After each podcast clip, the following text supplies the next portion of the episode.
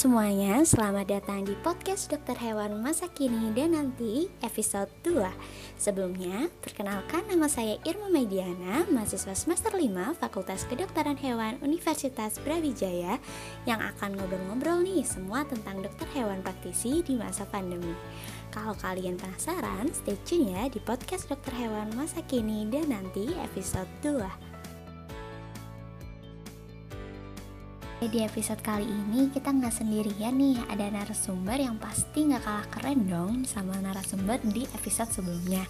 Ada dokter hewan Albiruni Haryo yang merupakan dosen sekaligus dokter hewan praktisi. Halo dokter, gimana nih kabarnya? Baik baik, terima kasih, terima kasih sudah diundang nih. Terima kasih baik kabar saya. Mana teman-teman sehat semua? Alhamdulillah kabar saya juga baik dok. Sebelum kita masuk nih ke pembahasan yang lebih dalam, mungkin dokter bisa memperkenalkan diri nih dok, biar kita semua tahu siapa sih narasumber di episode kita kali ini. Nama saya Albiruni Haryo, saya uh, dosen ya di Brawijaya dan kebetulan saya juga baru beberapa tahun ya, dari 2013 saya baru punya gelar dokter hewan gitu.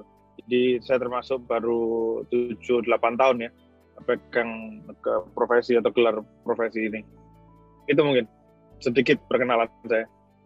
Jadi Dr. Albi ini selain menjadi dosen di Fakultas Kedokteran Hewan Universitas Brawijaya, Dr. Albi juga merupakan dokter hewan praktisi di klinik yang Dr. Albi punya sendiri loh teman-teman. Betul nggak sih dok? Hmm, iya betul. Jadi saya juga praktisi dan ada tempat praktek sih ya, tempat praktek. Ya utamanya memang buat uh, apa ya kita ingin bisa kontribut ya di masyarakat terkait dengan bagaimana bantu menyehatkan masyarakat. Ya salah satunya nggak semua harus praktek sih tapi kebetulan saya punya uh, dipercaya gitu kan dan uh, punya ruang yang kemudian bisa saya gunakan ya di area praktisi itu. Itu Baik dok, terkait uh, dokter hewan praktisi nih dok, pastikan dokter nih uh, sudah banyak banget menangani kasus-kasus penyakit hewan, apalagi dokter Albi ini kan punya klinik sendiri ya dok. Uh, untuk kasus yang paling sering ditangani sampai kasus yang paling jarang banget ditangani itu apa sih dok? Oh iya, jadi ya di saya tuh ada kita ada uh, dokternya ada banyak ya, ada kebetulan ada di bagian bedah ortopedi dan juga bedah uh, saraf dan juga neurologi ya kebetulan. Jadi hari-hari ya banyak ya itu kasus saya yang banyak saya handle tentang bedah dan uh, ekstremitas juga. Tapi kalau yang jarang saya pegang sih ya lebih tepatnya karena memang saya geser ke tim yang lain gitu. jadi uh, sudah udah banyak yang kasus-kasusnya yang aneh-aneh ya, tapi alhamdulillah juga ya jadi tantangan juga itu buat saya dan tim itu mungkin dari saya Baik dok, berarti buat kasus-kasus yang paling jarang ditemui ini tidak akan menjadi kendala ya dok selagi kita bekerja bersama tim. Oke dok, selanjutnya saya ingin bertanya nih dok terkait pandemi COVID-19 yang sedang melanda Indonesia. Ini kan pasti uh, memberikan dampak nggak hanya di beberapa orang saja, tapi memberikan dampak di semua orang, termasuk dokter hewan nih dok. Nah, sebagai dokter hewan praktisi yang memiliki klinik sendiri, kira-kira tantangannya apa sih dok di masa pandemi ini?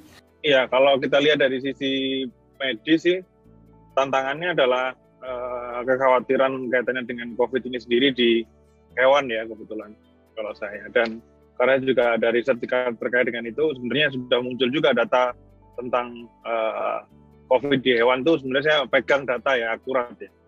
Tapi berikutnya kalau tentang uh, kondisi pandemi di area arahnya adalah memang lihat bisnisnya atau lihat uh, sisi ekonominya maka ya kemampuan adaptasinya itu loh yang kemudian harus dimiliki lebih dan harus terus dipertajam karena uh, kondisi di lapangan tuh akan selalu berubah-ubah, apalagi juga terkait dengan uh, praktek yang kita lihatnya dari sisi uh, bisnisnya. Mungkin itu kalau hal-hal yang perlu dipertimbangkan saat pandemi. Berarti cukup banyak ya dok eh, tantangan serta hal-hal yang perlu diperhatikan bagi dokter hewan di masa pandemi ini ya dok. Untuk selanjutnya saya ingin bertanya nih dok terkait klinik yang dokter Albi punya. Ini apakah memiliki protokol khusus di masa pandemi ini ya dok? Protokol khusus di klinik kalau buat klien itu kita batasi jumlah orang masuk yang jelas ya kan. Uh, jadi orang masuk kita kurangin, uh, kita pilih-pilih ya. Uh, kalau nggak perlu di depan, kalau perlu banget di dalam gitu. Tetap prokes segala macam. Tapi kalau untuk karyawan juga sama kita batasi yang ada di dalam atau shiftnya itu juga kita batasi. Kemudian pakai beberapa uh, peralatan khusus ya untuk kemudian pelayanan juga kita lakukan. Serta juga tetap menjaga kesehatannya kita tingkatkan caranya apa jam shiftnya kita perbaiki untuk lebih nyaman gitu. Itu sih. Baik dok. Uh, saya penasaran juga sih dok kalau misal di pandemi ini kan banyak pemikiran kalau hewan tuh juga menularkan covid ya dok ya. Apakah dengan pemikiran itu tuh kliniknya itu tetap normal-normal aja maksudnya banyak pasien yang datang atau jadinya lebih sepi gitu dok cenderungnya enggak sih, enggak sih. Enggak. Kalau arahnya ke sana sih enggak. Cuman kalau dari sisi data ya ini menakut agak agak menakutkan yang mengkhawatirkan ya karena memang eh, penelitian yang saya lakukan terkait dengan COVID-19 di hewan liar atau dalam hal ini adalah stray itu ada sih arahnya ke arah COVID itu ada. Cuman uh, kalau bikin kemudian kunjungannya menurun tidak. Jadi sebenarnya enggak ada kaitan signifikan sama itu. Mungkin itu. Baik dok. Tapi ada nggak sih dok cerita lucu terkait uh, klien gitu ya owner pet animalnya itu yang ketakutan gitu dok terkait hal tersebut Iya sih ada. Jadi waktu lagi tinggi dulu April ya lagi tinggi ya. April Mei itu kan lagi tinggi tingginya itu ada beberapa klien akhirnya tiba-tiba datang ke klinik kayak ini naruh hewannya terus mereka pergi gitu kan. Jadi klien itu ada yang sampai naruh hewannya ke rumah eh ke rumah ke klinik ya kan. Itu kayak dilepas gitu loh mereka ketakutan.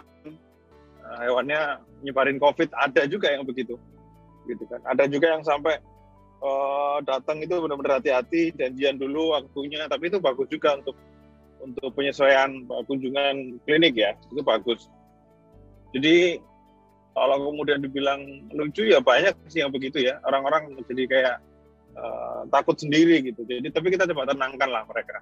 Kita sudah upayakan itu. Mungkin itu sih beberapa apa cerita eh, cerita-cerita yang agak ajaib ya di kondisi pandemi. Gitu ya dok. Terus uh, nyambung dari cerita dokter nih dok. Untuk pemeriksaannya berarti gimana nih dok? Kan uh, hewannya cuma sekedar ditaruh aja untuk dari anamnesanya kira-kira gimana tuh dok? cara ngelakuinnya atau ataukah uh, daring kayak gitu dok?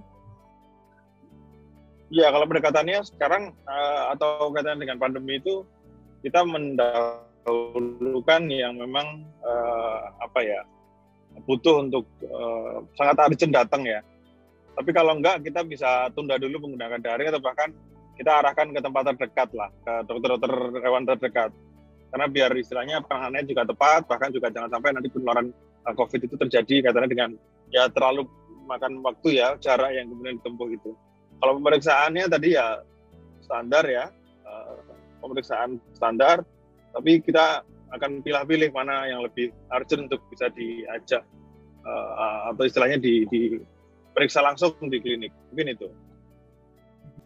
Baik dokter. Sebelum menutup episode podcast kita kali ini mungkin dokter bisa nih memberikan saran bagi para pemilik hewan gimana sih caranya memelihara hewan di masa pandemi ini dok?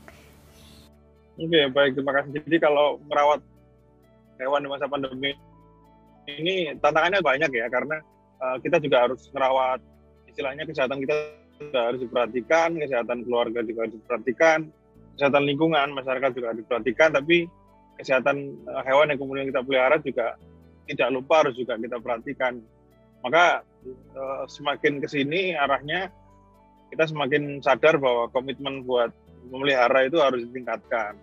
ya itu nanti akan berdampak ke banyak hal ya ke penjaminan kesehatan kemudian juga ke penjaminan kualitas pakan ke penjaminan juga bagaimana mereka akan berlangsung kaitan dengan kehidupannya apakah uh, bagaimana mereka akan bereproduksi banyak hal nah terkait dengan kondisi pandemi ini juga perlu diperhatikan bahwa uh, masih belum jelas ya itu disebarkan atau ditularkan dari mana COVID ini kaitannya dengan yang ditemukan pertama kali itu. Tapi bagaimanapun itu menjadi PR bagi kita semua bahwa uh, ada batas yang jelas harusnya di antara kita dan hewan peliharaan. Jadi tidak semuanya itu uh, lintas batas. Jadi perlu diperhatikan batas batas-batas penting yang uh, manusia dan hewan harus perhatikan. Mungkin itu beberapa catatannya ya. Terima kasih banyak ya dokter telah menyempatkan waktu untuk memberikan banyak sekali informasi terkait peran dokter hewan praktisi di masa pandemi ini. Untuk teman-teman yang masih penasaran nih apa aja sih bahasan kita di podcast dokter hewan masa kini dan nanti tetap stay tune ya di podcast ini. Akhir kata saya ucapkan kurang lebihnya mohon maaf. See ya.